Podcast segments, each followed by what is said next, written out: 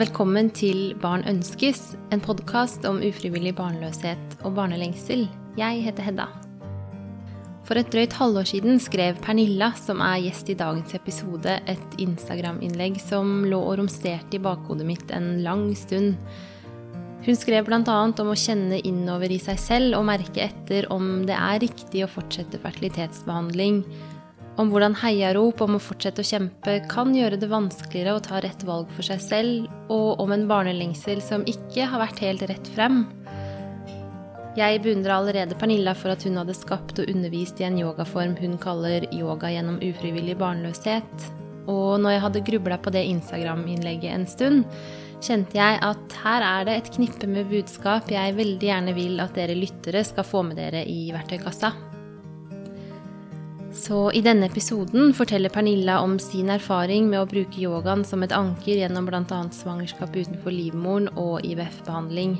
Hun deler også tanker omkring det å bestemme seg for å avvente og kanskje avslutte videre behandling selv om 40-årsdagen nærmer seg, og å finne mening og kjærlighet i livet slik det er her og nå, uten barn. Vi snakker også om dette med om hvorvidt barn er meningen med livet, og om å reflektere over både hva som egentlig ligger i ens egen barnedrøm, og over hvordan barnelengselen faktisk kan endre seg over tid. Pernilla deler også noen gode, men enkle verktøy vi kan prøve hjemme. Hun lærer oss f.eks. å puste gjennom bekkenet. Og dette kan jo høres litt alternativt og underlig ut for dem som ikke er vant til den slags. Men etter at Pernilla og jeg spilte inn episoden, har jeg øvd meg ganske mye på å puste gjennom bekkenet, faktisk. Og denne uka fikk jeg god bruk for den treningen da det var tid for kontroll og celleprøve etter livmorhalskreften. Denne årlige begivenheten er ikke min favoritt, for å si det sånn. I tillegg til at kreftspøkelset dukker opp og puster meg litt i nakken i ukene rundt kontrollen, gruer jeg meg alltid til selve undersøkelsen. Etter kreft, IVF og to risikosvangerskap har jeg flust med kjipe opplevelser i den stolen, og de av dere som har fulgt med en stund, husker kanskje at jeg både har en vrien livmorhals og en del arrvev som gjør det hele ganske styrete. Så der satt jeg da og prøvde å holde roen mens sykepleier og lege prøvde både det ene og det andre for å få tatt den prøven. Og mens de rota borti skapet for å finne spekel nummer fire eller fem, prøvde jeg å få tatt noen skikkelig gode pust helt ned i bekkenet. Og vet dere hva? Det gjorde faktisk hele forskjellen. Og for ikke snakke om hvor viktig det er for oss som har vært gjennom litt av hvert, å få kontakt med den delen av kroppen igjen. På slutten av episoden leder Pernilla oss også gjennom en avspennende og beroligende pustemeditasjon, så her er det bare å glede seg. Dere finner Pernilla på Facebook og Instagram som Pernilla Ljungqvist Helheten, der Ljungqvist staves L-J-U-N-G-K-V-I-S-T. Og for deg som har lyst til å prøve noe yoga som gjør godt og ikke er for komplisert, kan du jo begynne med å finne YouTube-kanalen hennes, der hun har en 45 minutters yogaklasse som heter Återhemtande yoga og guidad meditasjon. Dere finner meg på Facebook og Instagram under Barn ønskes, og på e-post på barnonskes.gmail.com. Og jeg hører som alltid veldig gjerne fra dere.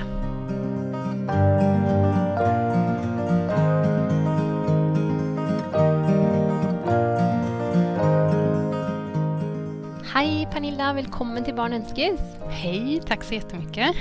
Väldigt spännande med en svensk gäst idag. Ja, Ja, så himla internationellt. ja väldigt. Så vi får prøve å snakke litt eh, sakte, både så vi forstår hverandre og lytterne forstår. Så Ja. vi ikke trenger sånn Skavlan-svensk. Ja, det är det jag är van vid. Så ja. det skal nok gå bra. Em, vi har jo veldig mye som jeg syns er viktig å snakke om i dag, men jeg tenkte vi kunne begynne litt sånn med at du kunne få fortelle bare helt kort ja, det er, et, det er jo egentlig et stort spørsmål, da, men hvem er du, eller hva tenker du det er fint at lytterne vet om deg? Mm. Ja, precis, helt kort. Ja.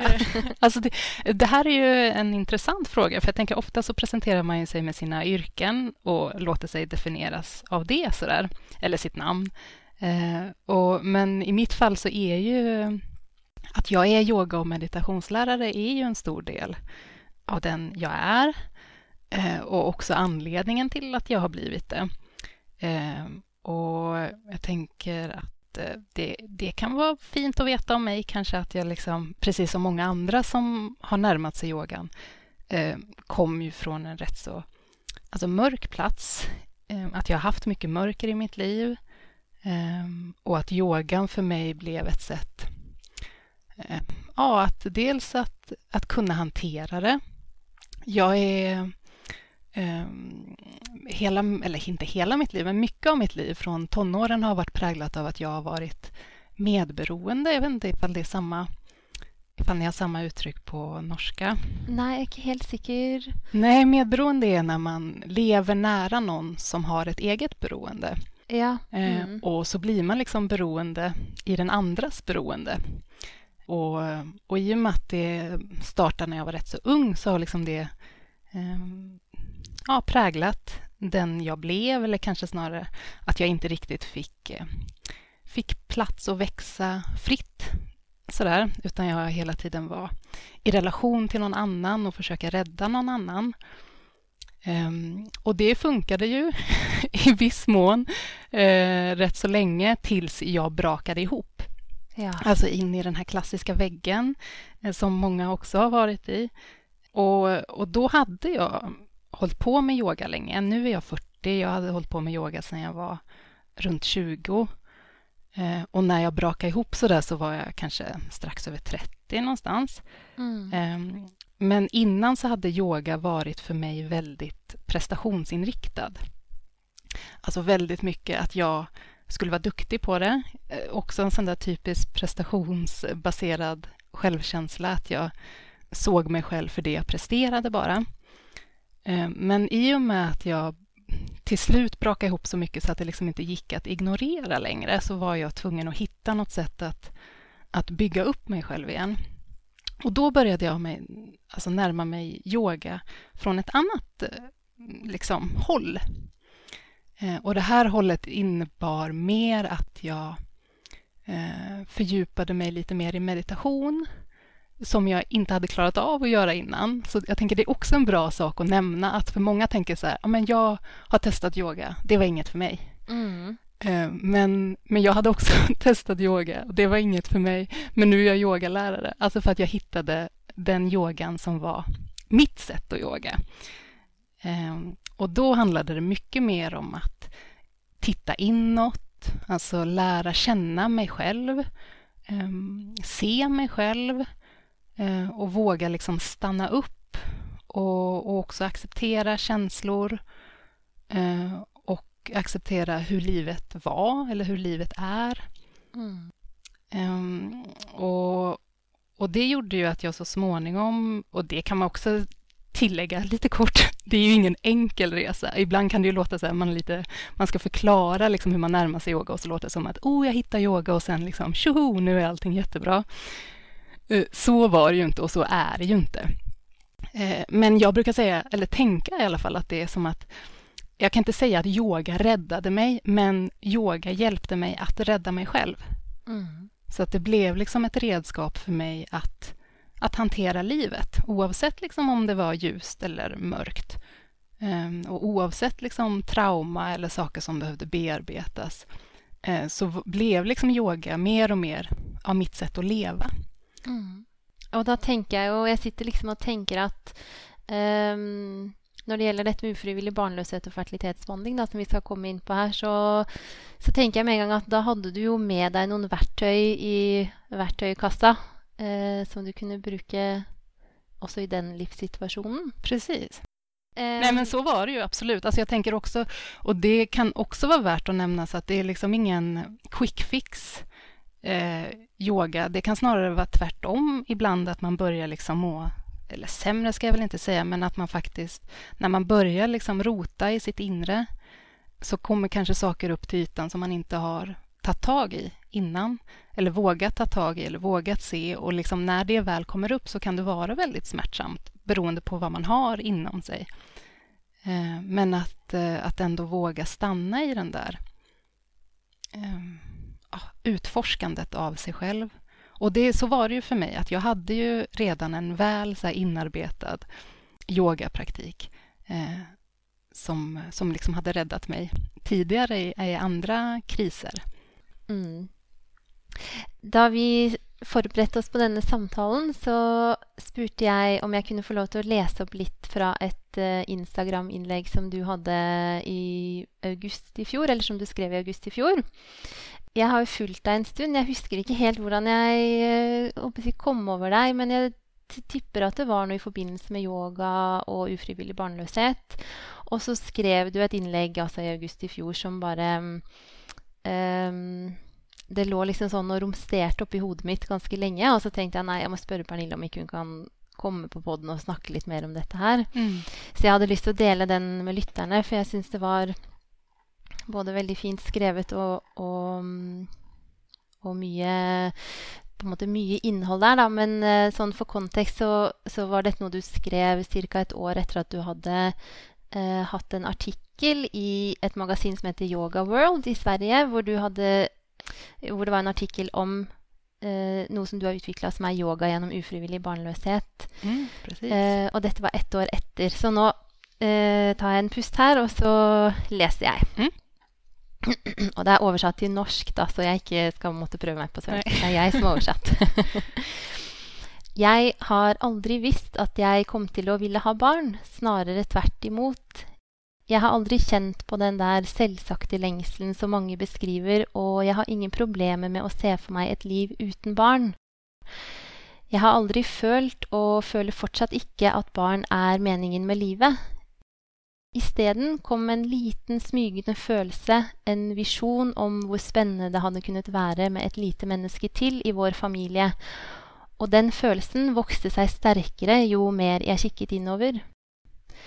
Men å befinne seg i IVF-karusellen med denne innfallsvinkelen var nokså slitsomt. Jeg følte meg ofte feil, at jeg ikke ville det sterkt nok. At min lengsel ikke var like mye verdt som alle dem som uttrykte at 'jeg vet ikke hvem jeg er om jeg ikke får bli mamma'. Var det sånn det måtte føles for at man virkelig skulle ønske det på ordentlig? Selvfølgelig er det ikke sånn. Det er bare det at vi som går gjennom IVF, får så innmari mye tid til å fundere over alt under prosessens gang. Og jeg opplevde det som at jeg ofte ble møtt med 'gi ikke opp, fortsett å kjempe, det kommer til å gå'. Så jeg fortsatte å kjempe, til slutt på bekostning av både min fysiske og psykiske helse. Jeg vet ikke når eller eksakt hvordan det skjedde, men under denne reisens gang har jeg gått fra ufrivillig til aksept til frivillig. Jeg har hoppa fram og tilbake mellom de tre, men jeg har også landa i at denne reisen er min. Det spiller ingen rolle hvor den går, for jeg kan se verdi i alle dens snirkler.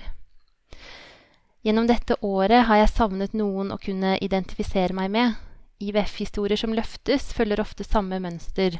Jeg har kjempet i x antall år, men så ble jeg forelder til slutt, så ikke slutt å kjempe, gi ikke opp. Men det er et innmari urettferdig bilde, for enkelte kjemper som bare det, og ennå går det ikke. Og noen, sånn som meg, da, vet ikke helt 100% om det man kjemper for, er det eneste rette. Da jeg skrev artikkelen, var det for å løfte stigmaet omkring mistede graviditeter og ufrivillig barnløshet, for å våge å se og prate om det som en del av livet. Og når jeg skriver dette, er intensjonen det samme, å løfte stigma omkring å slutte å kjempe. For det kan jammen ta kål på den beste. Man kan ønske seg barn, gå gjennom et helvete for at det skal bli sånn, og så lande i noe nytt. Dette har vært en av de vanskeligste prosessene jeg noensinne har gått gjennom, og en reise som kommer til å pågå lenge. Men så stort det er å få vokse gjennom den, og innse under reisens gang, jo mer jeg kikker innover, og jo mer jeg lærer meg selv å kjenne, at jeg kanskje ikke vil lenger. Og det er ok. Ingen kan garantere at en beslutning er det eneste rette.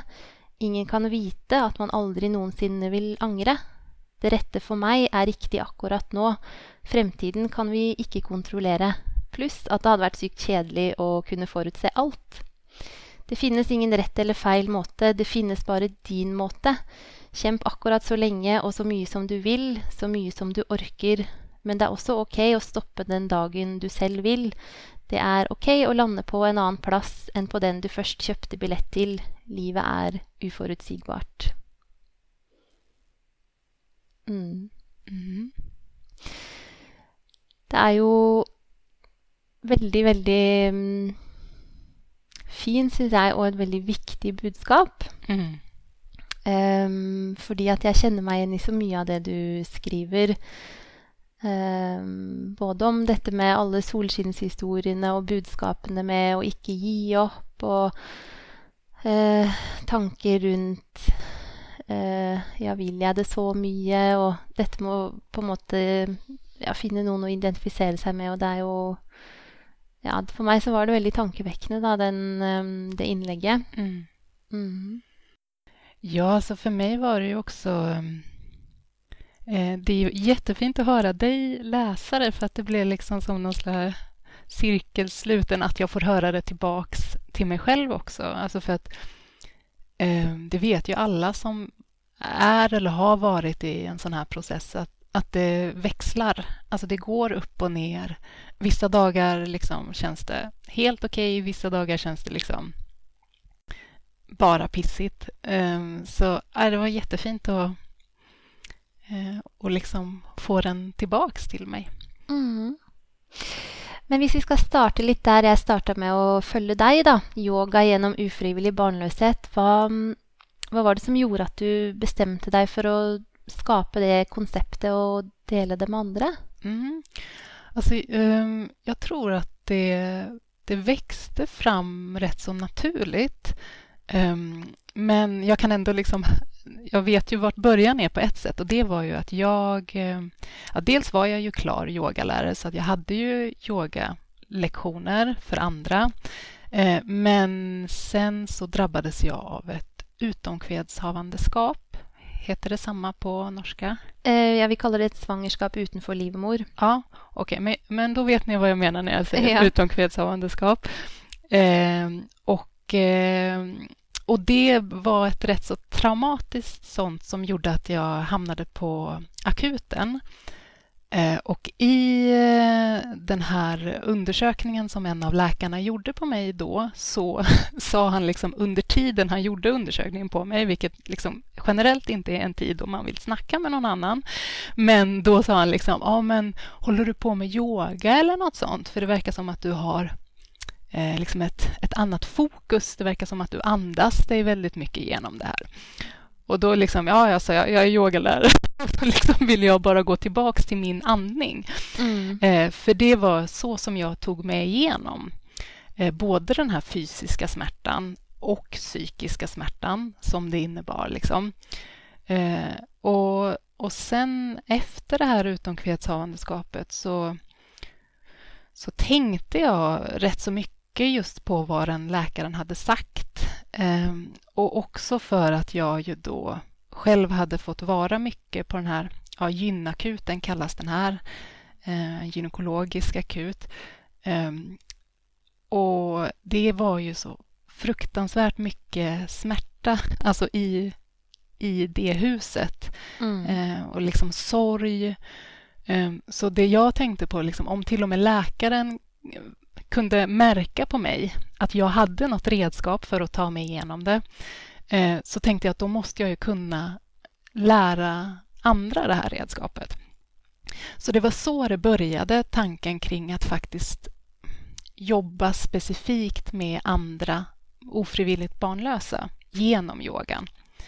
Ehm, och, och då var det helt enkelt ja, men också väldigt organiskt att jag Eh, helt enkelt följde min egen yogapraktik i och med att jag, hade en, jag har en daglig praktik. Jag, jag yogar varje dag. Eh, och under den här perioden då så, så började jag skriva ner helt enkelt vad, vad som funkade, vad som inte funkade. Eh, och sen fick jag ju ett till utomkvedshavandeskap och då blev jag ju lite som, vad kan man kalla det, testkanin, försökskanin eh, för min egen yoga. Eh, och, och den gången så... Första gången jag fick ett utomkvedshavandeskap så fick man eh, eh, vad heter det? behandla det med cellgift. Och för de som inte vet vad det är så är det liksom att man har eh, man får ett befruktat embryo men, men det fastnar i äggledaren eh, istället för att ta sig ner till livmodern där den liksom kan växa. Eh, och, och eh, den kan aldrig, den kan inte klara sig i äggledaren.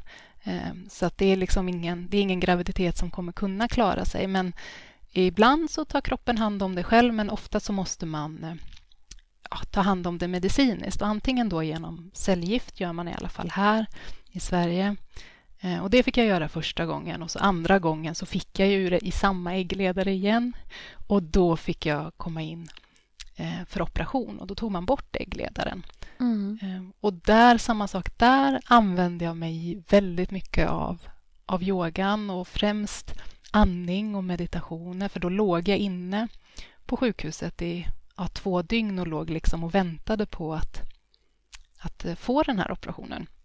Och då med en väldig rädsla för att äggledaren skulle spricka, vilket den kan göra, eh, som inte är så bra. Eh, så då blev yogan för mig ett sätt att hantera rädsla framför allt. Mm. Eh, och också eh, kom, alltså, man vet ju aldrig förrän man är i krissituationer hur man reagerar, men för mig till exempel så kom det en sån oerhörd dödsångest när jag skulle sövas ja. eh, som jag inte var beredd på. Men den var liksom så fruktansvärt kraftfull. så att jag liksom, men då fick jag faktiskt, och det är jag väldigt tacksam för, då fick jag tio minuter innan jag skulle rullas ner till operation så fick jag vara helt ensam. Eh, och då använde jag de tio minuterna till att meditera och, och fick liksom en väldigt kraftfull eh, upplevelse som lugnade mig. Eh, så jag tänker liksom, det är också en alltså kanske en bra förklaring på varför jag sen också ville gå ut med den här yogaformen. För att jag ändå såg hur den kunde hjälpa mig. Ehm, och sen eh, tyckte jag eh, att vi skulle fortsätta försöka få barn. För eh, det hade ju ändå funkat två gånger, men då fick vi hjälp. Så då gjorde vi två IVF också. Mm. Ehm, och då fick jag ju använda mig av yogan på ett annat sätt och som också handlade mest, och jag tänker eh, jätteviktigt för mig att poängtera, det är att jag jobbar inte med fertilitetsyoga. Alltså, jag tror inte riktigt på det begreppet. Alltså, nu ska jag inte säga att eh, andra inte tycker det är jättebra, absolut, men för mig så, så handlar det om något större. Alltså yoga för mig genom ofrivillig barnlöshet var mer ett sätt att stresshantera mm. Eh, och återhämta. Eh, och framför allt så hitta någon acceptans över situationen man befinner sig i. Alltså att försöka släppa den här kontrollen som man håller fast i. Att liksom bara jag gör det här så kanske det funkar. Eller gör jag så här? Äter jag de här vitaminerna? Eller gör jag den här rörelsen?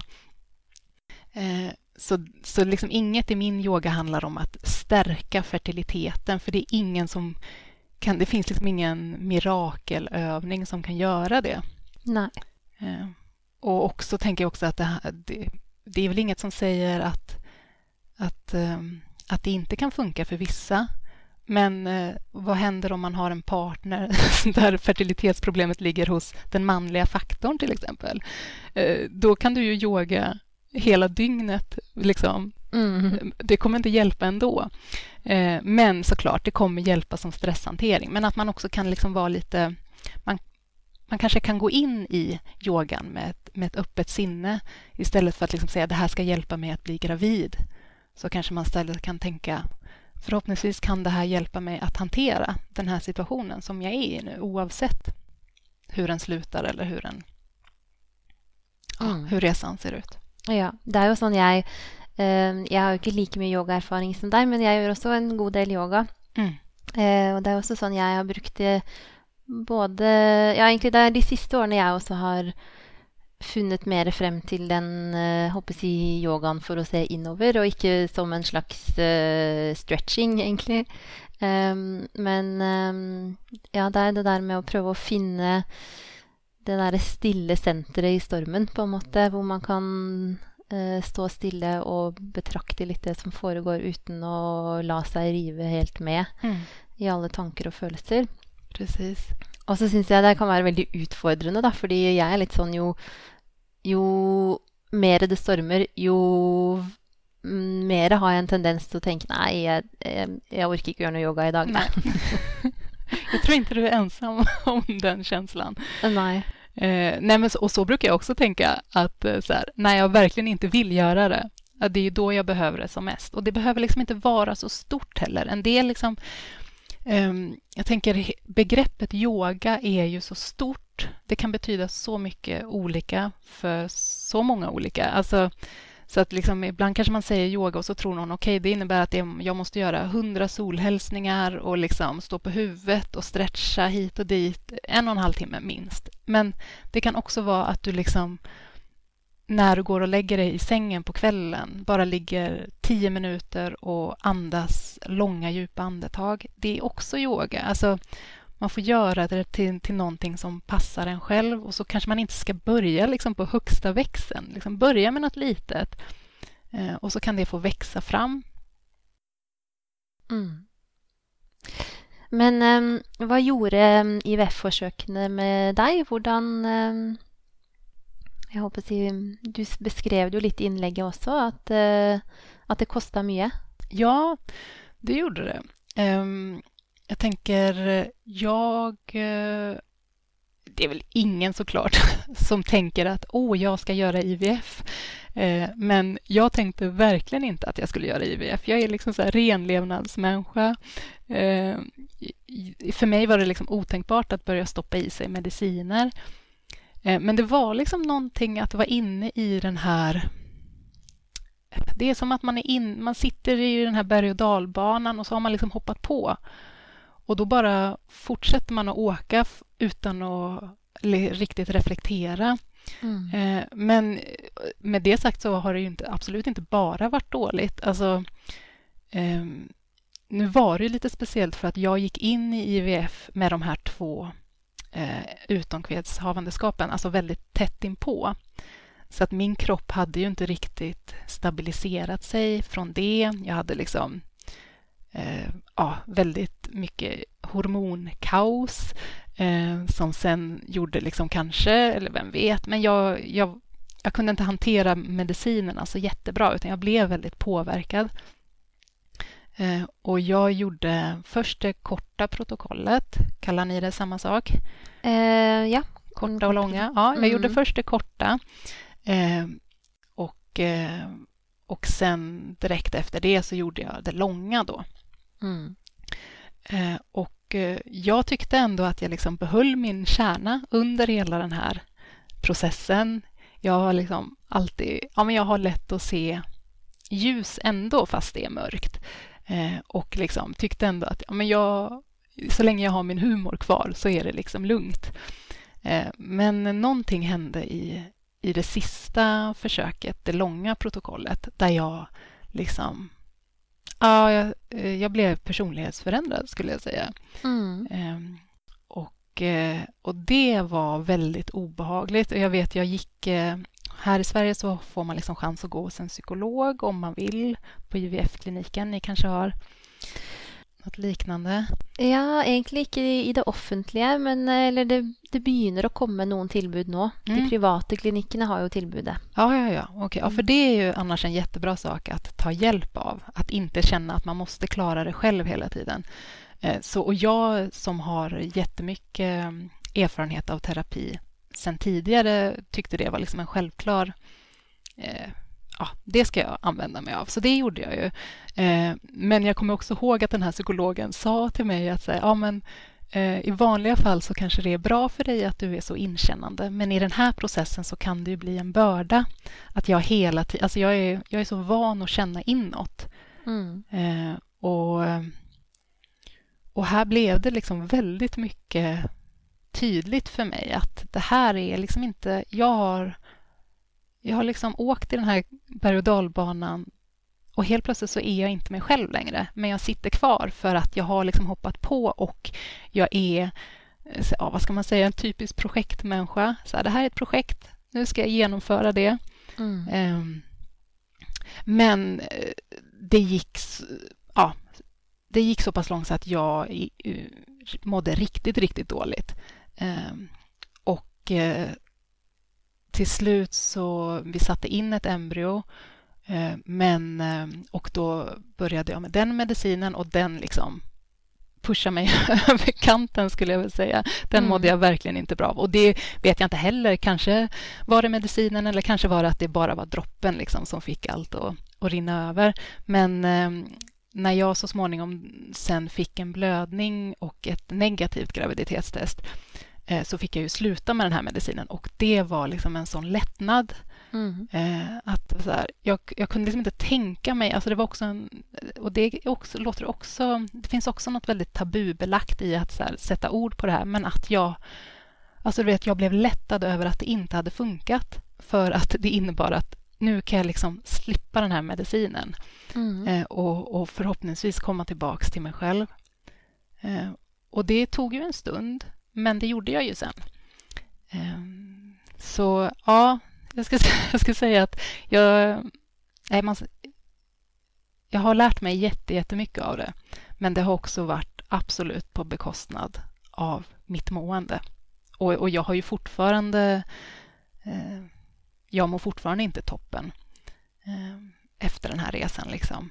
Eh, men jag tänker det som har tagit ett tag och, och fucka upp tar ju en stund att ställa till rätta också. Så det är liksom bara att sitta lugnt i båten och försöka åka med så gott det går. Mm. Jag känner mig ju väldigt igen i det du säger. Jag också har i perioder eh, på hormoner inte känt igen mig själv. Mm. Uh, og det er veldig skremmende. Og særlig når det pågår over litt tid, så kan jeg ha følt at jeg liksom Ja, er jeg egentlig sånn? Og er dette meg? Og ja. Og også litt den derre um, um, det er um, litt interessant det du sa om at psykologen sa at kanskje man ikke har så bruk Eller at det ikke er så nyttig å se så eller kjenne så godt seg selv akkurat den perioden. For jeg også har følt mye på det der med at for å stå i det her, så må jeg faktisk skru av litt. Mm. Må på en måte uh, Hvis jeg skal orke, så må jeg bare um, gjøre det litt sånn mekanisk. Bare gå igjennom, på en måte. Mm. Ja, och, och det absolut. Men det som är det svåra i det är ju att, att man när man till slut inte... Eller det som var svårt för mig med att, att försöka bli lite mer mekanisk, eh, det var ju att jag till slut bara gjorde det eh, för att jag liksom hela tiden refererade tillbaka till för flera år sedan när jag hade bestämt mig att jag ville ha barn. Mm. Alltså den där känslan av att men jag, jag ville ju ha barn för flera år sedan. Nu får jag bara göra det här. Jag, ska, jag får liksom inte tänka eh, om jag börjar tveka. Nej, liksom, det, det, är ingen idé att lyssna på det för att liksom, kärnan ville ju. För några år sedan ville ju liksom ja. Eh, och, det, och det tänker jag, det är ju den där eh, faran i att, ja men precis som jag skrev i det där inlägget också, kämpa på. Alltså ge inte upp. Eh, det, är liksom, det kommer funka, spelar ingen roll. Jag har en kompis som åkte till Grekland och höll på i sju år. Sen blev det och nu är hon lyckligast av alla. Alltså du vet, att man hela tiden matas med de här eh, och som kommer absolut från en... Människor säger det ju för att vara snälla. Alltså de, det är ju ingen som säger en sån sak för att, för att vara elak mot en, utan absolut att man säger det för att vara peppande och liksom det här har jag... Men alltså, alla vi som har varit i den här resan, vi har hört alla de där historierna. Alltså, vi, har, vi, vi, har läst, ja. vi har liksom läst allting på internet. Vi har, alltså, finns med i varenda Facebookgrupp om liksom, IVF och infertil. Alltså, det finns inget någon kan säga till oss som vi liksom inte redan har hört på något eller annat sätt. Så att, eh, jag tänker att det kan vara en bra, bra sätt också att tänka hur man förhåller sig till andra som befinner sig i IVF. Liksom, att, in, att, att liksom, ja, ge utrymme också för att, att inte bara köra slut på sig själv, utan faktiskt är, det är helt okej okay att, att stanna upp också. Liksom. Mm.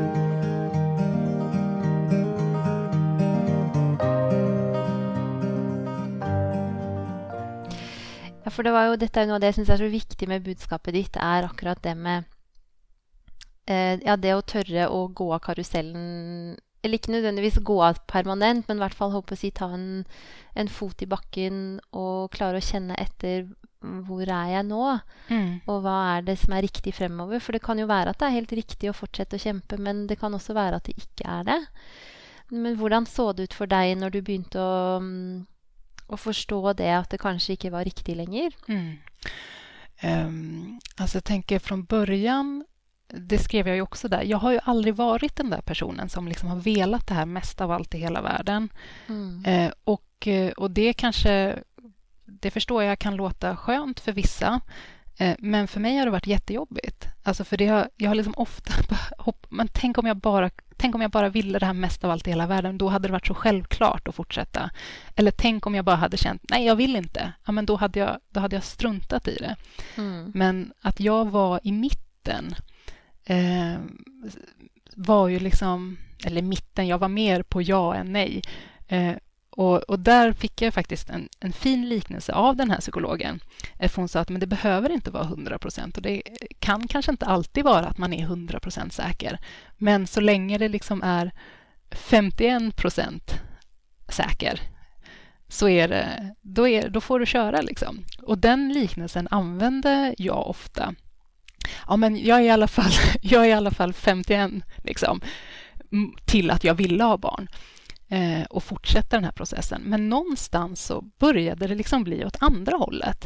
Det var liksom, helt plötsligt var det 51 procent nej. Och det var som en chock för mig. Mm. Eh, jag var liksom inte alls beredd på det, för jag hade jobbat så mycket. Alltså, min barnlängtan kom väldigt sent eh, och det var någonting som fick växa fram under flera år och också i kommunikation med min partner fick det växa fram i flera år. Och liksom, så att jag hade liksom tänkt att jag har förankrat den här längtan så starkt i mig. Så att jag vill, jag vill verkligen på riktigt. Ehm, men sen så då när jag började lyfta lite på det här locket till att jag kanske inte ville lika mycket eh, så var ju det ah, sjukt förvirrande skulle jag säga. Eh, både att jag tänkte, nej men det här är ju inte sant. Det här är ju såklart påverkat av allt jag går igenom nu. Det är inte konstigt att jag inte vill när jag liksom har legat på mattan och velat dö av IVF-medicinerna. Liksom. Det är ju inte konstigt att jag inte vill, men det är klart att jag vill innerst inne. Mm. Eh, men sen fick det också vara en process, tror jag. Vi, efter den här sista eh, långa protokollet då, och det var eh, julen 2019, kan det stämma? Nej, 2000, vad är det nu? Jo, men det stämmer. Ja, det stämmer. Ett dröjt år sedan. Mm. ja, precis. Jag är så himla förvirrad på nya, nya årtalet. Ja. Eh, jo, men och då sa vi, ja, men nu tar vi en, vi tar en paus. Alltså, du vet när man ringer i vanliga fall till IVF-kliniken och säger okej, okay, men nu funkar det inte. Så säger de okej, okay, men då bokar vi in en ny tid. Kan ni komma nästa månad? Och då fick vi liksom säga nej, men nu, nej tack, vi tar det lite lugnt nu. Mm. Eh, och, och då, först vad som hände, ska jag helt ärligt säga, att, att jag liksom stängde av. Eh, jag var så himla, jag var helt slut. Mm. Eh, så att jag liksom, jag, jag bara stängde av skulle jag säga, så gott jag kunde. Alltså från att ha tänkt på det här liksom dagligen i flera år så försökte jag att bara så här, se andra saker. Um, och och sen så kom ju faktiskt corona i den här perioden också. Ja. Eh, vilket gjorde att då var det ju inte lika lätt att genomföra IVF. Då blev det ju lite restriktioner på sjukhusen här. Och det måste jag säga blev som, också som en liten konstig lättnad för mig, för då behövde jag inte ta beslutet. Utan då var det liksom någon annan som sa att men nu, just nu går det inte. Um, och sen så helt plötsligt så hade hela 2020 eh, gått.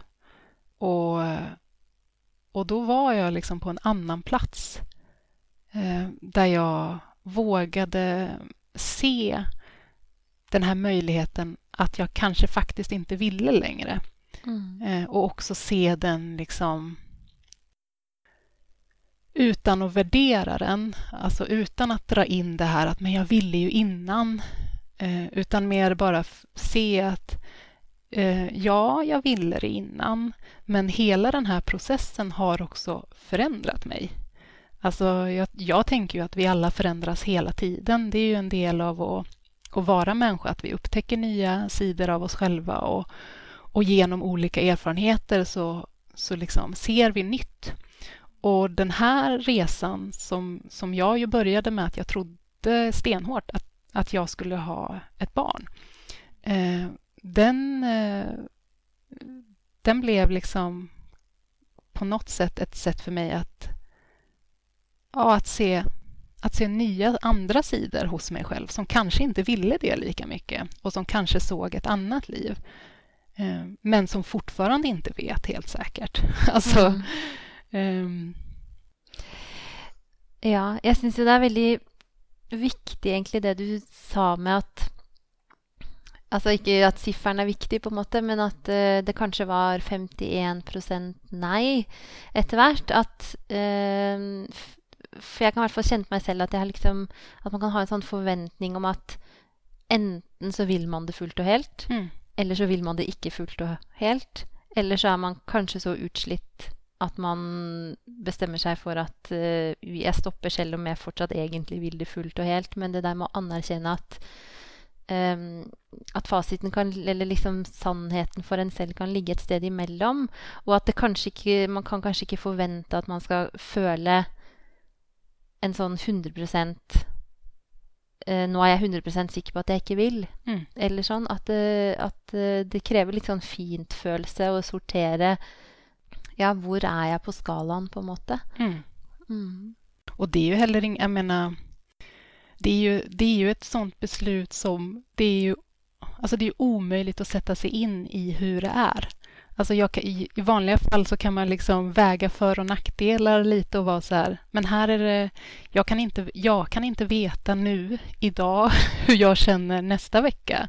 Då kanske jag vill det. Eller om tio år, då kanske jag tänker, fan, jag skulle ha gjort det, men jag kan inte heller leva mitt liv hela tiden i det här liksom vägskälet. Alltså att stå med ena foten där och vagga lite fram och tillbaka. Alltså för det gör ju någonting med en människa. Alltså att, mm. liksom, att hela tiden vara i det här mellanrummet. Eh, och jag tror att också det, det är ju kanske inte det lättaste såklart att göra, men att också börja se vad ett liv skulle kunna vara. Alltså utan barn. Mm. Eh, för eh, beroende på vad man har för ingång innan, för vissa har, man liksom, vissa har sett hela liksom, sitt liv att, att man ska bli förälder och, och aldrig liksom sett någonting annat. Eh, och då är det klart att det är liksom helt fruktansvärt att börja tänka så här, men gud, hur, vem skulle jag vara då liksom? Men, men för mig blev det lite tvärtom faktiskt. Att det blev en hjälp. Att så här, okej, okay, här har jag tänkt att så här skulle livet se ut. Jag skulle egentligen nu gå runt med en liten bebis i en sån där påse på magen och liksom ha det gött. Och, men nu är det inte så. Men vad kan jag istället? Vad kan liksom istället finnas i mitt liv som kan ge mig något annat? Mm. Liksom, det kommer aldrig kunna, jag kommer aldrig veta, såvida jag inte får barn, hur det är att ha barn. Men, men det betyder ju inte att jag inte kan hitta andra sätt att leva som liksom ger mig, ja, vad ska man säga, en mening med livet. Mm. Har du, varit, eh, har du känt på frykt för att ångra? Om du eh, inte fortsätter på barneprojektet? Eh, nu eh, körde du inte så bra Skavlan-norska här, så nu förstod oh, jag inte. på flykt. Um, eh, ha, ja, har, du, har du känt... Har du varit rädd för att du skulle ångra dig? Ja, gud ja. Absolut. Eh, alltså, jag vet inte. liksom, utropstecken, ja absolut. Ja men absolut. Och det, det är ju... Eh, jag tänker det är det som är min, verklighet är så. Att, att eh, jag är jätte, alltså, jag är rädd att, eh, att jag tackar nej till någonting som är fantastiskt. Mm. Um, och, och jag kommer aldrig veta det. Liksom. Um, men men jag vet inte, den där rädslan, den tror jag, den tror jag också jag har fått bearbeta mycket. Alltså i, med meditation och liksom bara närma mig vad, vad kärnan är egentligen. Alltså det är, det är ju lätt att bara tänka jag vill ha barn, men för mig, jag liksom, i vanliga fall om det funkar direkt så behöver, då, liksom, då får man reflektera efteråt. Här får vi ju reflektera innan väldigt mycket. Eh, och det har ju gjort att jag också har reflekterat varför jag vill ha barn. Alltså vad är det egentligen i mig eh, som gör att jag vill ha det och vad är det jag tänker att det skulle innebära? Eh, och, och, det har ju också ändrats med åren. Alltså för kanske sju, åtta år sedan minns jag mycket väl att jag liksom sa till min partner, men nu är det dags att levla upp. Alltså, vi kan inte bara leva samma liv här, utan nu, liksom, nu ska vi ha nästa nivå. Ja. Och, och, det innebar barn. Nu ska vi ha nästa nivå. Nu kommer vi liksom sätta fokus på någonting annat som inte är oss. Liksom. Mm. Um, och, och, det har jag jobbat jättemycket med. Liksom, vad var det i mig som kände att, att jag behövde levla upp? Och vad var det i mig som, som liksom var så övertygad om att ett barn var att levla upp? Eh, som gör att jag nu idag eh, liksom ofta säger till min partner just där liksom, eh, men nu har jag ju levlat upp utan barn. Ja. Alltså, eh, det, det, det, är ofta liksom att man tänker att det är så det är, för det är det och jag tänker ofta precis eh, som kvinna också, att det, liksom en, det ligger en extra självklarhet kring att som kvinna så ska man ha barn och man ska vilja ha barn. Och den här kärleken från en moder till ett barn, det är liksom det ultimata. Liksom. Mm. Eh, men, eh, men jag har nog... Eh, ja, nej, men vad fan, på mina sämsta dagar är det klart att jag också tänker nej, nu, jag får inte ge upp, för då jag är rädd vad jag, vad, att jag kommer ångra mig. Men jag tror att jag också har accepterat ja, jag kanske kommer ångra mig. Ja. Eh, och då kanske det är för sent. Men då får jag ta det då. Alltså, jag kan liksom inte göra något annat. Jag kan inte hålla på och göra det omöjliga. Liksom. Jag kan inte förutse hur livet kommer bli, för jag vet ingenting. Och så tänker jag, Det är väldigt lätt att säga sån, ja, men man kan inte ta livsvalg utifrån en frykt för att ångra sig. Nej. Uh, men det är ju lättare sagt än gjort. Men samtidigt så ja, Det er jo kanskje også noe med å ha tillit til at det valget du tar i dag, er riktig for deg i dag. Og skulle den angeren komme, så så finner man ut av det da, på en måte. Hvordan man kan håndtere det. Mm. Mm. Men hva ja, Du var jo litt inne på det, men uh, hva tenker du om dette? At man så ofte hører at liksom barn er meningen med livet, og jeg kjente ikke ekte kjærlighet før jeg fikk barn, og alle de Det er jo noen sånne eh, håper si sannheter som verserer liksom i samfunnet vårt. Mm. Ja, jag skulle säga att de ställer till det väldigt mycket. Mm. eh, för alltså eh, självklart är det inte så. Alltså det är självklart att, alltså jag menar, det vore ju att säga att alla människor genom alla tider som inte haft barn, de har aldrig känt kärlek eller de har inte haft någon mening med sitt liv. Det, alltså, det fattar man ju själv att det inte är så. Men samtidigt så är den här så, alltså den här bilden av att ha barn eh, och framförallt kan jag känna, alltså den här moderskärleken, den är liksom så cementerad, alltså den sitter liksom så starkt i alla. Så det spelar ingen roll liksom, jag tänker, det har väl alla liksom, de flesta i alla fall mötts av det här, ja men vänta bara tills du får barn, då kommer du förstå. Eller liksom, ja, ja, ja, alltså du vet ingenting nu, vänta bara.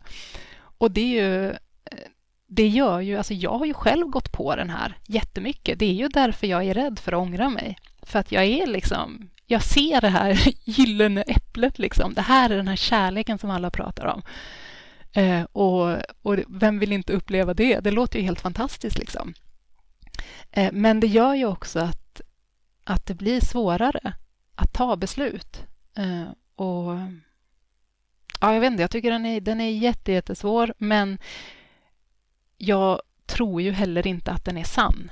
Men med det sagt så vet jag ju också, säger jag sånt till en människa som har barn så möts jag ju av det här. Ja, okej, okay. alltså lite klapp på huvudet.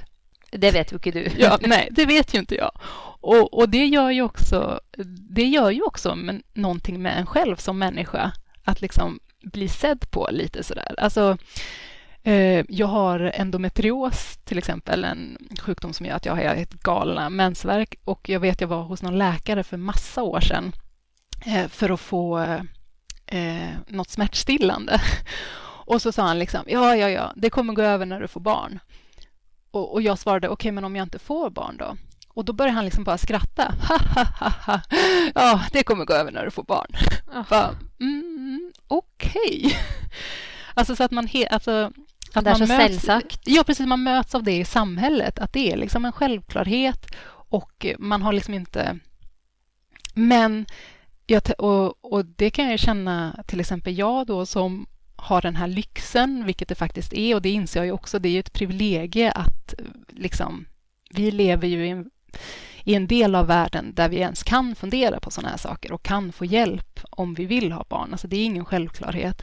Eh, men jag har ju också ett enormt privilegie att jag har fruktansvärt mycket frihet i mitt liv. Alltså jag lever på ett sätt som gör att jag kan yoga två timmar om dagen, eh, vilket gör att jag har liksom fått en chans att utforska mig själv jättemycket.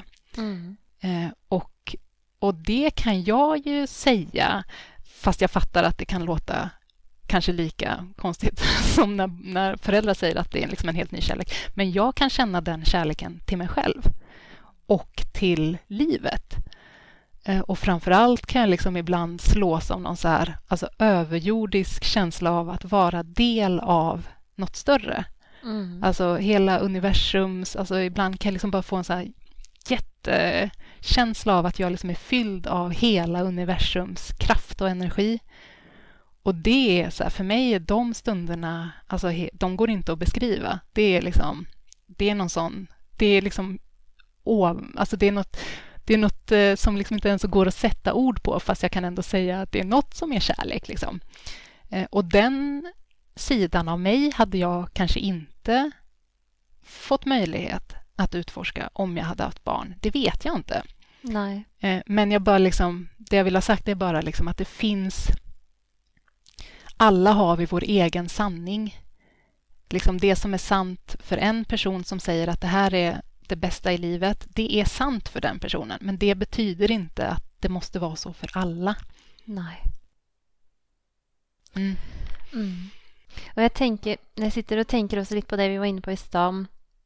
Um, når du fortalte at du brukte en del tid på å utforske i deg selv hva, hva på en måte som lå i den drømmen om barn, hvordan det så ut, og hva, hva var det du egentlig så for deg. Og det, jeg tror kanskje det er en øvelse som mange av oss ikke gjør så veldig bevisst. At mm.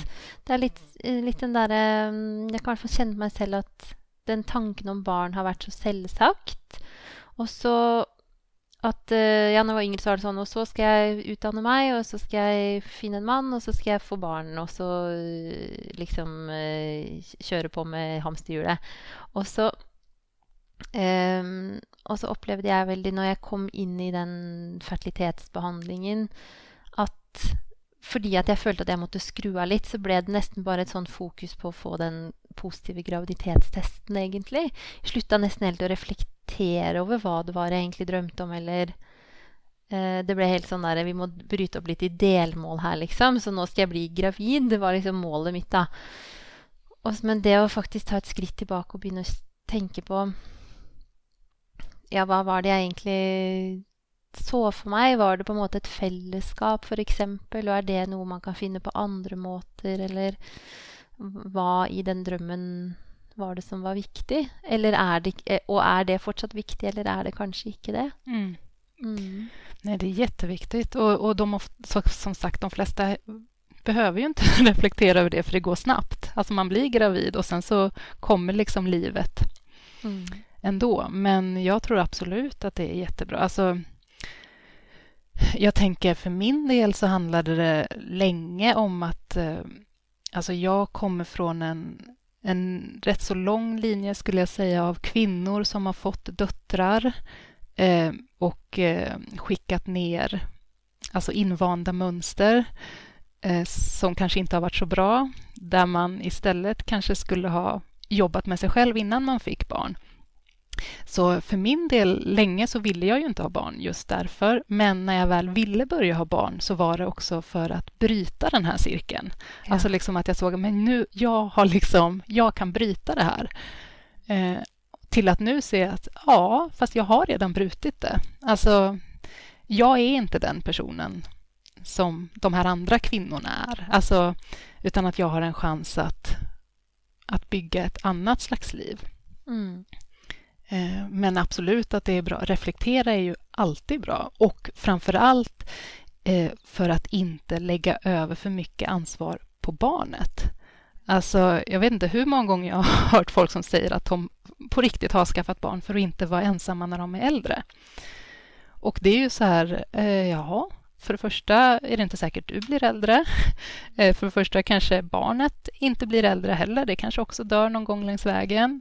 Barnet kanske flyttar till en annan del alltså av världen. Alltså det är så mycket i det här som är liksom att lägga över ansvaret för sin egen lycka på något annat. Eller också den här liksom att lägga, som jag själv sa också tidigare nu när vi pratade, att lägga över fokus på något annat. Att själv inte vara den som är viktigast. Eh, men det kan man göra på andra sätt. Mm. Så att reflektera, absolut, det tror jag fler skulle må bra av. Jag önskar att, eh, att jag hade växt upp i en familj där man hade kunnat reflektera lite innan man eh, valde att skaffa barn. Mm. Men jag kan ju tänka mig kanske att någon lyssnar till det här och så tänker de ja men Pernilla har ju 20 års erfarenhet med yoga och kika innover och jag har inte det och hur i alla dagar ska jag klara att börja ja. med att känna efter och jag vet inte, har du någon sån, hur kan man liksom starta då, om man inte är så van till det, hur kan man starta och känna efter i sig själv och märka sig själv, vad, vad vill jag och var är jag?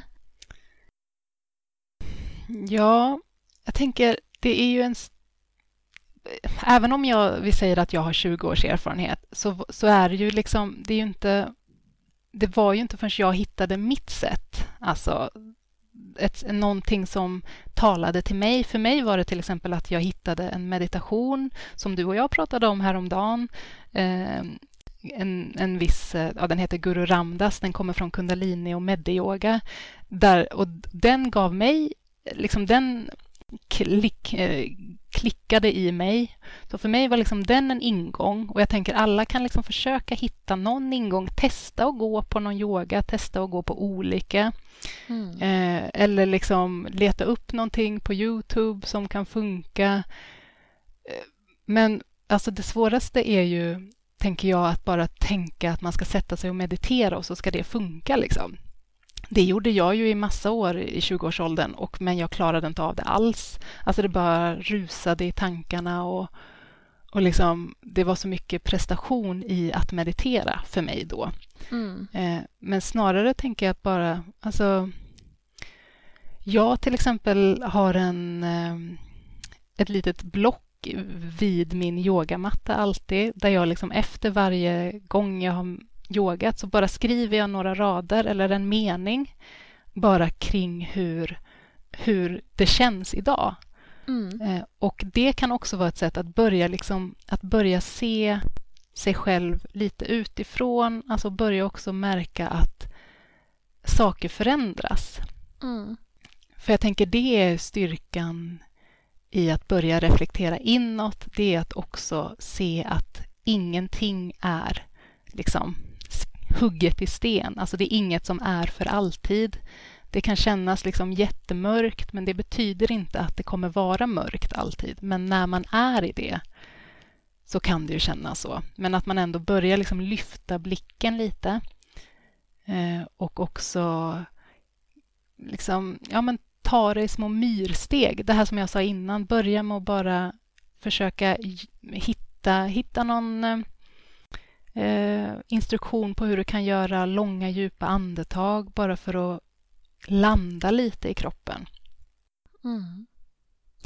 Jeg skal um, Når jeg publiserer denne episoden, her, så skal jeg også dele på Instagram det innlegget ditt. For du har et innlegg om den Guru Ramdas-meditasjonen. Ja, Som precis. fikk meg til å prøve her i For jeg har ikke gjort den før. Jeg prøvde i uke, og, den, og det var da jeg sendte en mail til deg og skrev var så deilig. Ja, den är jättefin. Men eh, jeg, jeg også syns det der med å skrive ned litt ehm, Jeg gjør det samme. Når jeg, hvis jeg skal gjøre yoga, så har jeg en bok, og så setter jeg meg ned på matta og så bare lukker øynene og ehm, kanskje prøver å puste ehm, ti ganger, f.eks.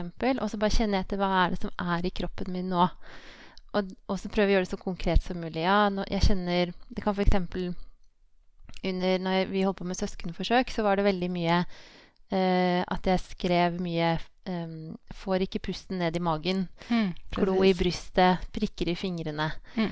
Og så gjorde jeg yoga, veldig enkelt og sånn. Og så skrev jeg, og så på slutten så satte jeg meg ned igjen og kjente en gang til. Og så var det sånn OK, nå puster jeg faktisk litt lenger ned i magen. Mm.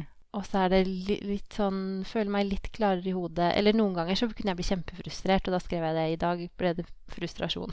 Ja, och det tänker jag är en jätteviktig sak att säga också att det är inte alltid bara mysigt att yoga. Alltså ibland är det så där att man bara fy fan, så jävla tråkigt, jag hatar det liksom. Mm. Men att våga stanna kvar i det också och se, ja, men se det som också en del av processen. Och jag tänker också det jag tänker som är viktigt att säga, tycker jag, som också genomsyrar hur jag lär ut yoga, det är att inte bara blint lita på någon annan. Alltså ofta kanske om man går till ett gym och yogar och så försöker man liksom bara härma rakt av och tänker det är så här det ska vara. Men istället bara ta in det i sin egen kropp och verkligen känna efter. Eh, och inte bara göra det för att någon annan säger åt en. Utan att faktiskt tänka efter. Och jag fick, nu har det ju varit lite skralt, nu får man inte riktigt göra så mycket yoga nu under corona, men jag hade en deltagare under hösten som var hos mig för första gången och efteråt skrev att så här, ja, men, det var ett helt nytt sätt för mig att yoga, för det var liksom första gången som jag inte bara tittade på läraren hela tiden och liksom försökte göra rätt, utan att hon faktiskt blundade och kände själv i kroppen. Eh, och det kan också såklart låta svårt, för har man liksom aldrig gjort någonting, vad ska jag då göra för rörelse? Liksom? Mm. Men bara börja, alltså börja med att lägga dig ner på ryggen och bara andas och sen kanske vara öppen för att följa kroppen. Kanske är det någon liten rörelse som kommer och inte så tänka att det ska se ut som yoga eller liksom så här har jag sett att yoga ska vara. Skit i det. Alltså verkligen bara följ kroppen. Kanske vill du bara känna att du vill sträcka på dig och så från sträckandet så kanske du liksom, jag vet inte, vill krama om knäna och bara vagga lite fram och tillbaks. Alltså avdramatisera det här ordet yoga och tänk istället att så här, du går på upptäcktsfärd inuti dig själv. Det är skitspännande och ibland så kommer det vara jättesvårt och du vet inte alls vart du ska gå. Men ibland så kommer de där små glimtarna där det liksom bara kommer naturligt. Mm. Og så har du jo sagt at eh, du kan lede oss i en liten pusteøvelse eh, helt på slutten av episoden. Ja, Så det er jo et fint sted for folk å begynne, at de kan eh, lytte til den. Men før vi gjør det, så har lyst til å spørre deg om det er er det, er det noe mer du Er det noe vi ikke har fått snakket om, som er viktig for deg å få sagt? ja. ja men jag tänker att det viktiga är att, att hitta din egen sanning. Mm. Alltså oavsett vad, vad den är. Och det är liksom bara du själv som kan hitta den. Eh, och det är ingen annan som vet hur det känns att vara du rakt igenom, alltså din innersta kärna. Det kanske inte ens du själv vet. Jag levde jättemånga år och var liksom avstängd. Jag var liksom bara i huvudet hela tiden och försökte lösa allting. Eh, men att, att på något sätt hitta fram oavsett. Det behöver liksom inte vara yoga, du kan vara ute i naturen, alltså hitta någonting för dig där du bara får vara dig själv. Som inte är du i relation till andra eller liksom ditt namn eller ditt yrke utan verkligen bara är den som du känner att du är innerst inne. Och så hitta din sanning och, och, och, och inte, inte försöka anpassa den till att till att passa in i det som du tror är det som förväntas av dig. Mm.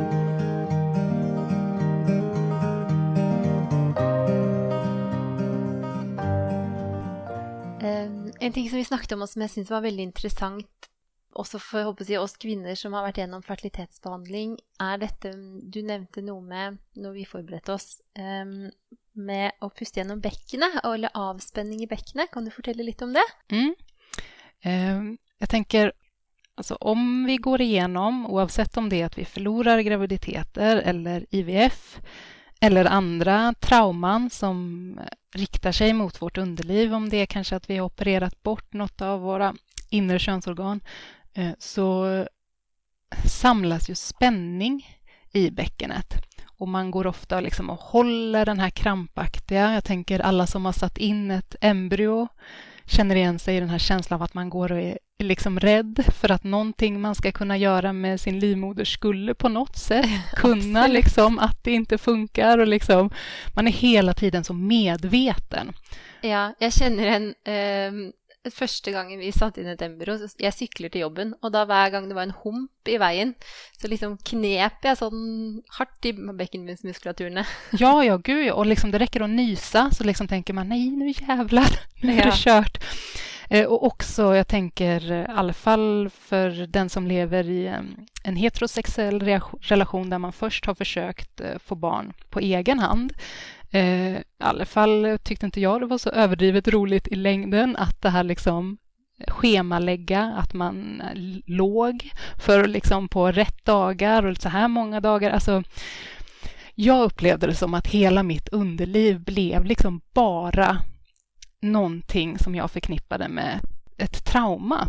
Ja. Jag hade liksom ingen kärlek till, eh, Eh, ja, men till mitt underliv överhuvudtaget, utan det var liksom bara ett problem. Antingen så var det liksom att, att vi hade legat för mycket som liksom inte var kul, det var inte lustfyllt, eller så var det att liksom jag hade haft så ont, alltså att jag och liksom har fått gå igenom operationer, allting var bara förknippat med smärta, både fysisk och psykisk.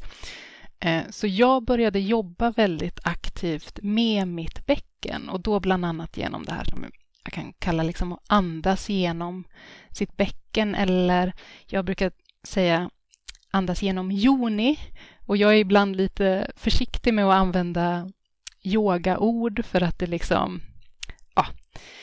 men joni tycker jag är så fint. Det är sanskrit för eh, det kvinnliga könsorganet och det betyder ungefär sacred space, alltså ett mm. helig, en helig plats. Eh, och för mig liksom att börja se det på det sättet, att börja se hela mitt underliv som en helig plats som jag faktiskt också ska behandla på det sättet. Mm. Och försöka släppa spänningar i. Eh, och också jag tänker om man är helt ny till yoga så kan det här låta lite flummigt, men om man har jobbat på något sätt med någon slags kroppsterapi så kan man känna igen sig i att, att vi lagrar minnen och känslor i olika delar av kroppen. Eh, och för mig och säkert många med mig som har gått igenom liknande resor så lagras ju väldigt, väldigt mycket av den här smärtan mm. i underlivet. Eh, och, och då kan man jobba liksom lite med att aktivt försöka eh, luckra upp de här spänningarna. Mm. Och framförallt inte tillföra mer spänningar.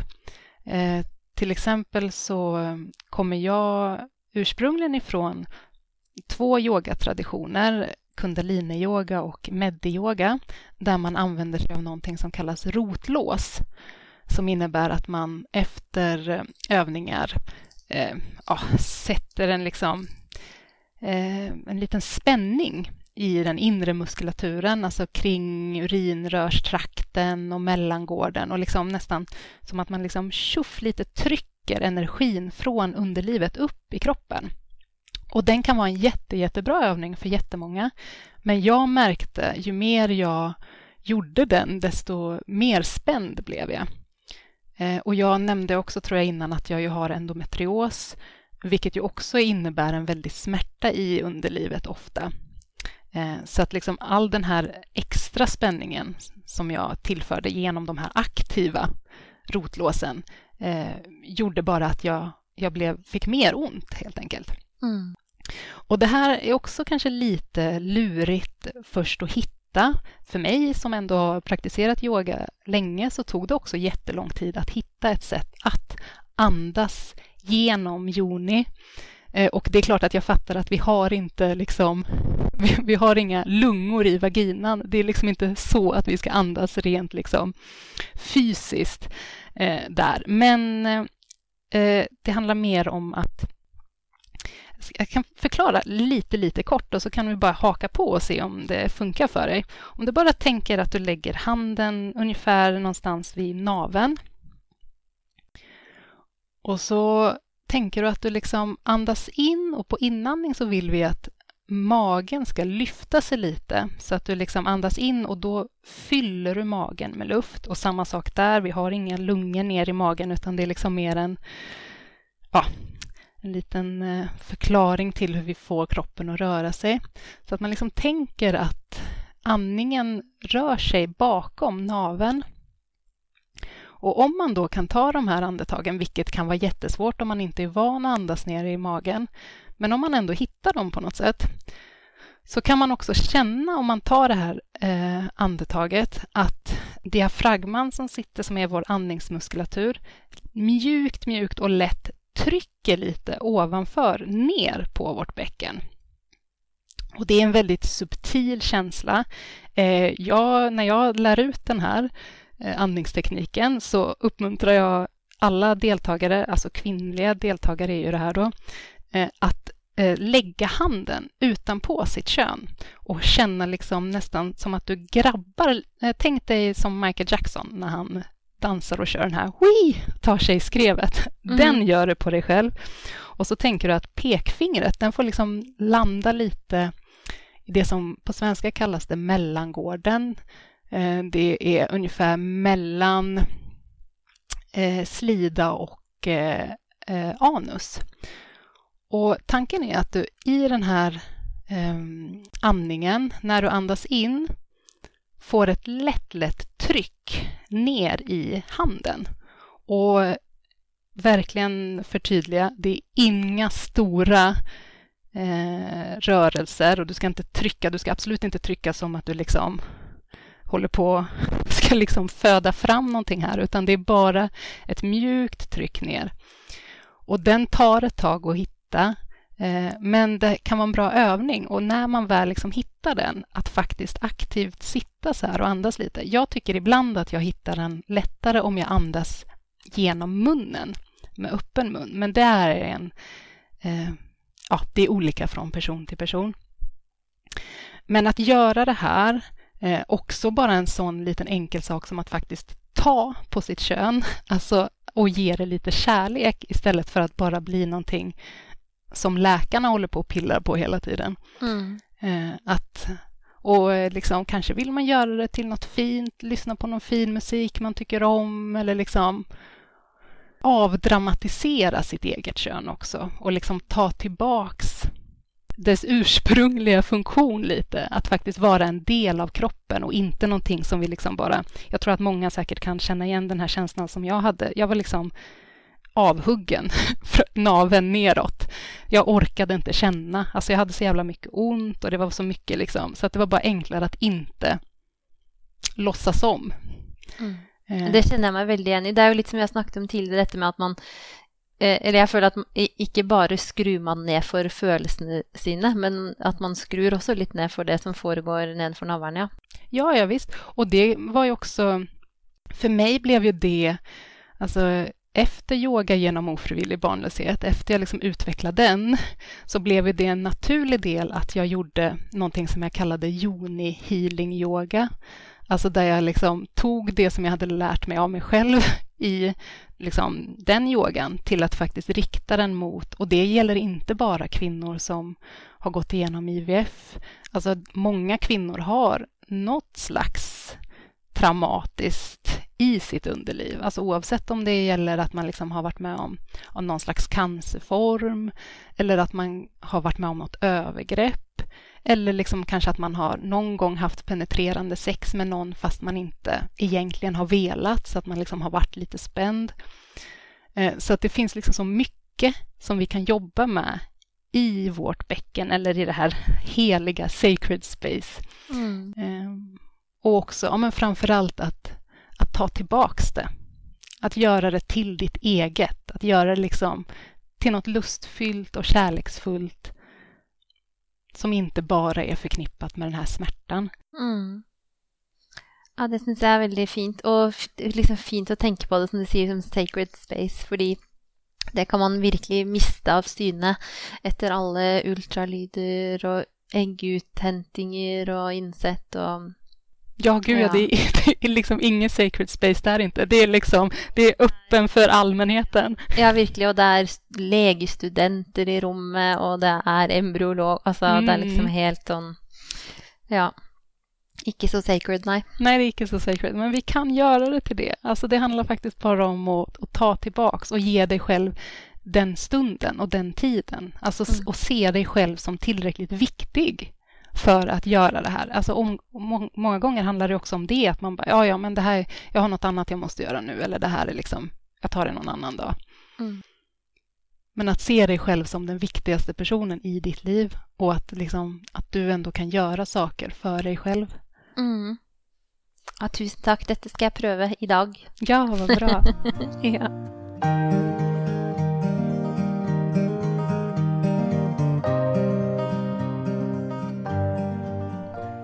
Så har jeg bare lyst til å spørre før vi runder også, hvor, hvor er du på en måte i dag? Hvordan har du det nå?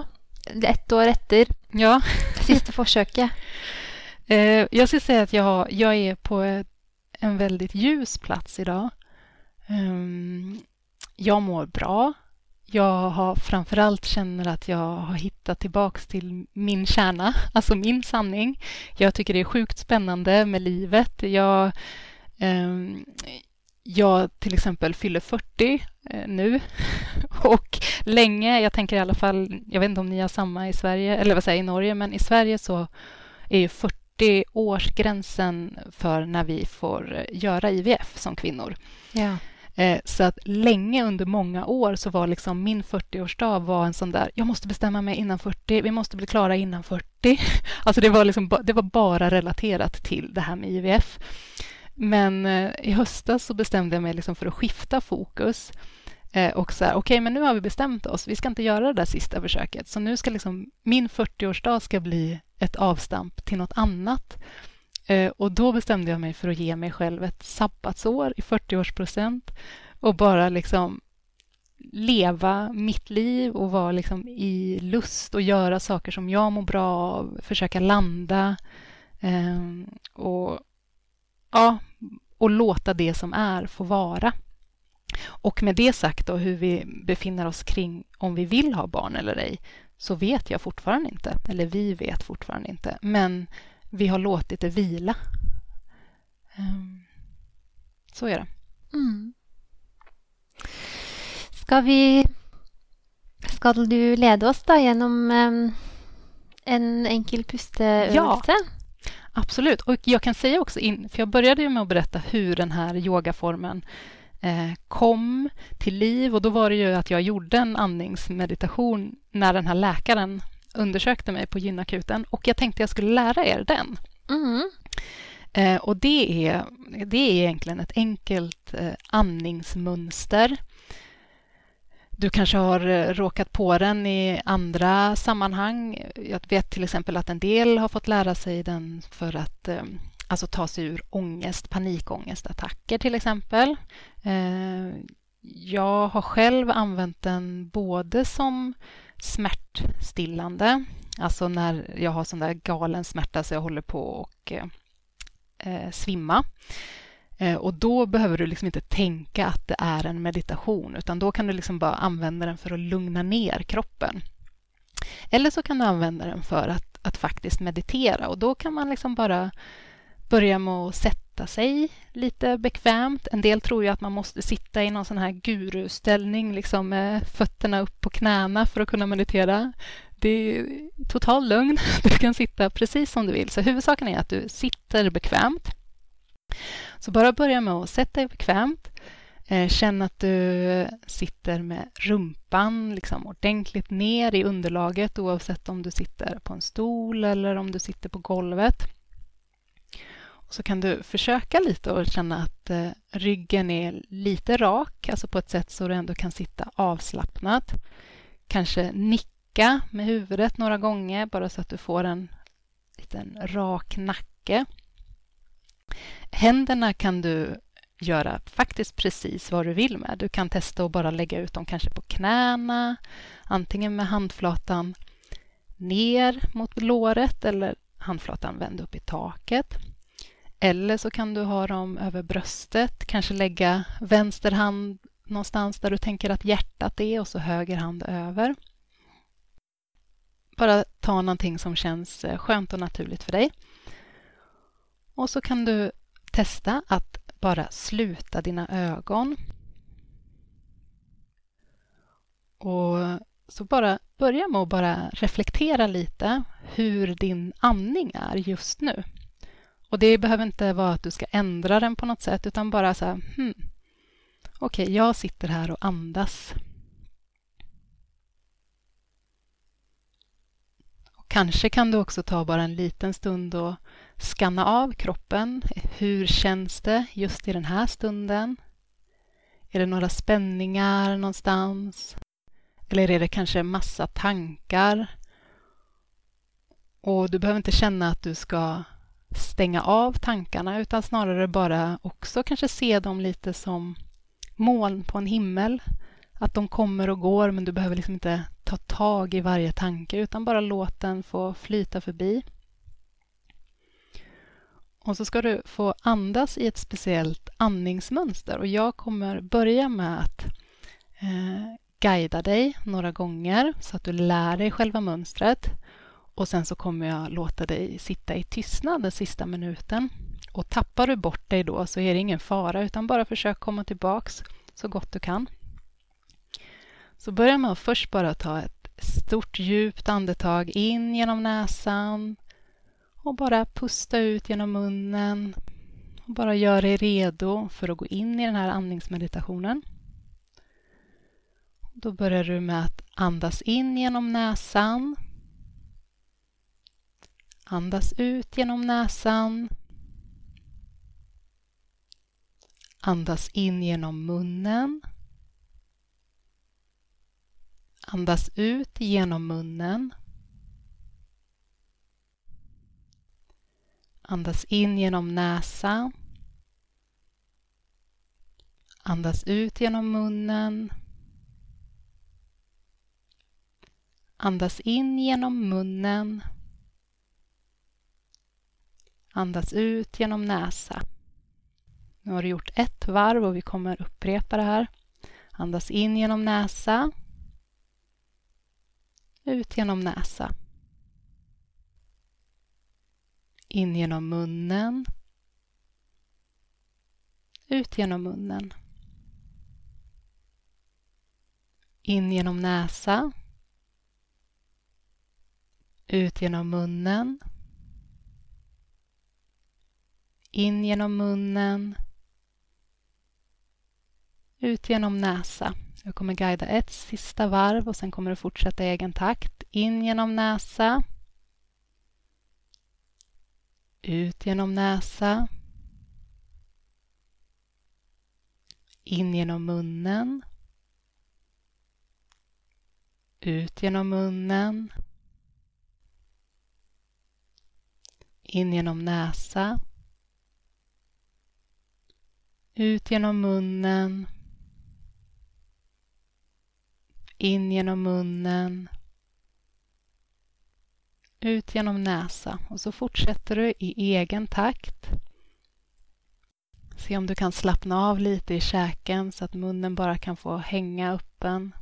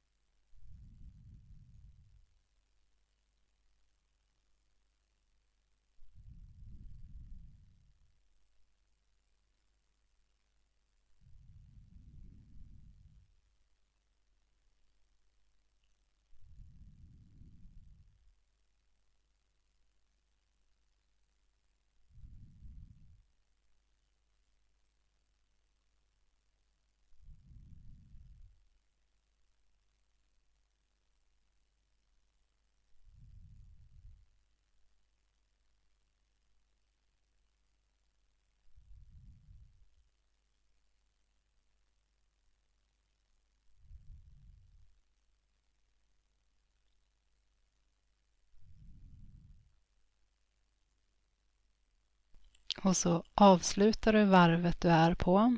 Sista gången så andas du ut ordentligt och bara sätter dig fortfarande med slutna ögon och bara låter andningen komma tillbaks till sin normala takt. Bara andas genom näsan. Så bara sitter du i stillhet en liten stund och bara noterar hur det känns. Om det känns på något speciellt sätt utan att värdera det, utan bara notera det.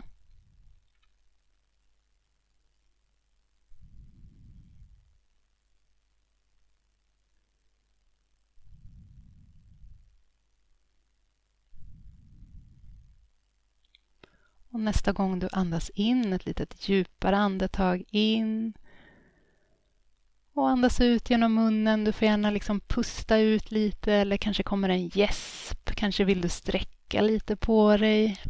Bara gör det som känns bra för din kropp. Och mjukt, mjukt och försiktigt så kan du bara öppna ögonen. Och så är du tillbaks från den här lilla minimeditationen. Upprepa precis så länge eller så kort som du vill. Ibland kan det vara skönt att bara ta ett par minuter bara för att landa. Ibland kan det vara skönt att sitta kanske tio minuter. Bara börja och se om det kan hjälpa dig på något sätt att titta inåt lite. Oh, tusen tack! Varsågod! Det var väldigt gott! Ja, vad skönt! Ja, jag har suttit här och pustat. Helt härligt, tusen tack! Tack själv! Um, för lyttare som vill um, finna dig på internet så är ju du på Instagram. På, ja. Ja, där heter du? Pernilla Ljungqvist. Eh, och så är det helheten. Eh, så att jag finns både på Facebook och på Instagram. Ja, jag ska tagga dig på min Instagram och sånt så att folk kan finna dig via där. Ja. Ja, och då kan man följa dig och nu är ju du i Sverige, da, så det är inte så Efter Etter hvert når koronaen er slutt og du kanske börjar arrangera kurs og sånn igjen, så är det inte så lätt för oss norrbaggar. å vara med. Men, ja, eh, det, det finns kan... alltid någon lösning. Det finns någon lösning. Det finns ju datorer, vet du, den här nya ja. grejen att folk börjar ha yoga över datorn. Absolut. Ja. Och så drev jag tänkte på, visst, jag tänkte, åh, visst eh, Pernilla arrangerar retreat i 2022, lite sån icke för långt undan Hamar, då ska jag komma. Ja, ja, ja, ja, ja men, men det har jag, men de kanske är, kanske är, vi försöker fixa det så att det är i närheten av dig på något vis. Mm. Tusen, tusen tack Pernilla för att du ville dela dina tankar. Tack själv Edda och tack för att du ville ha med mig.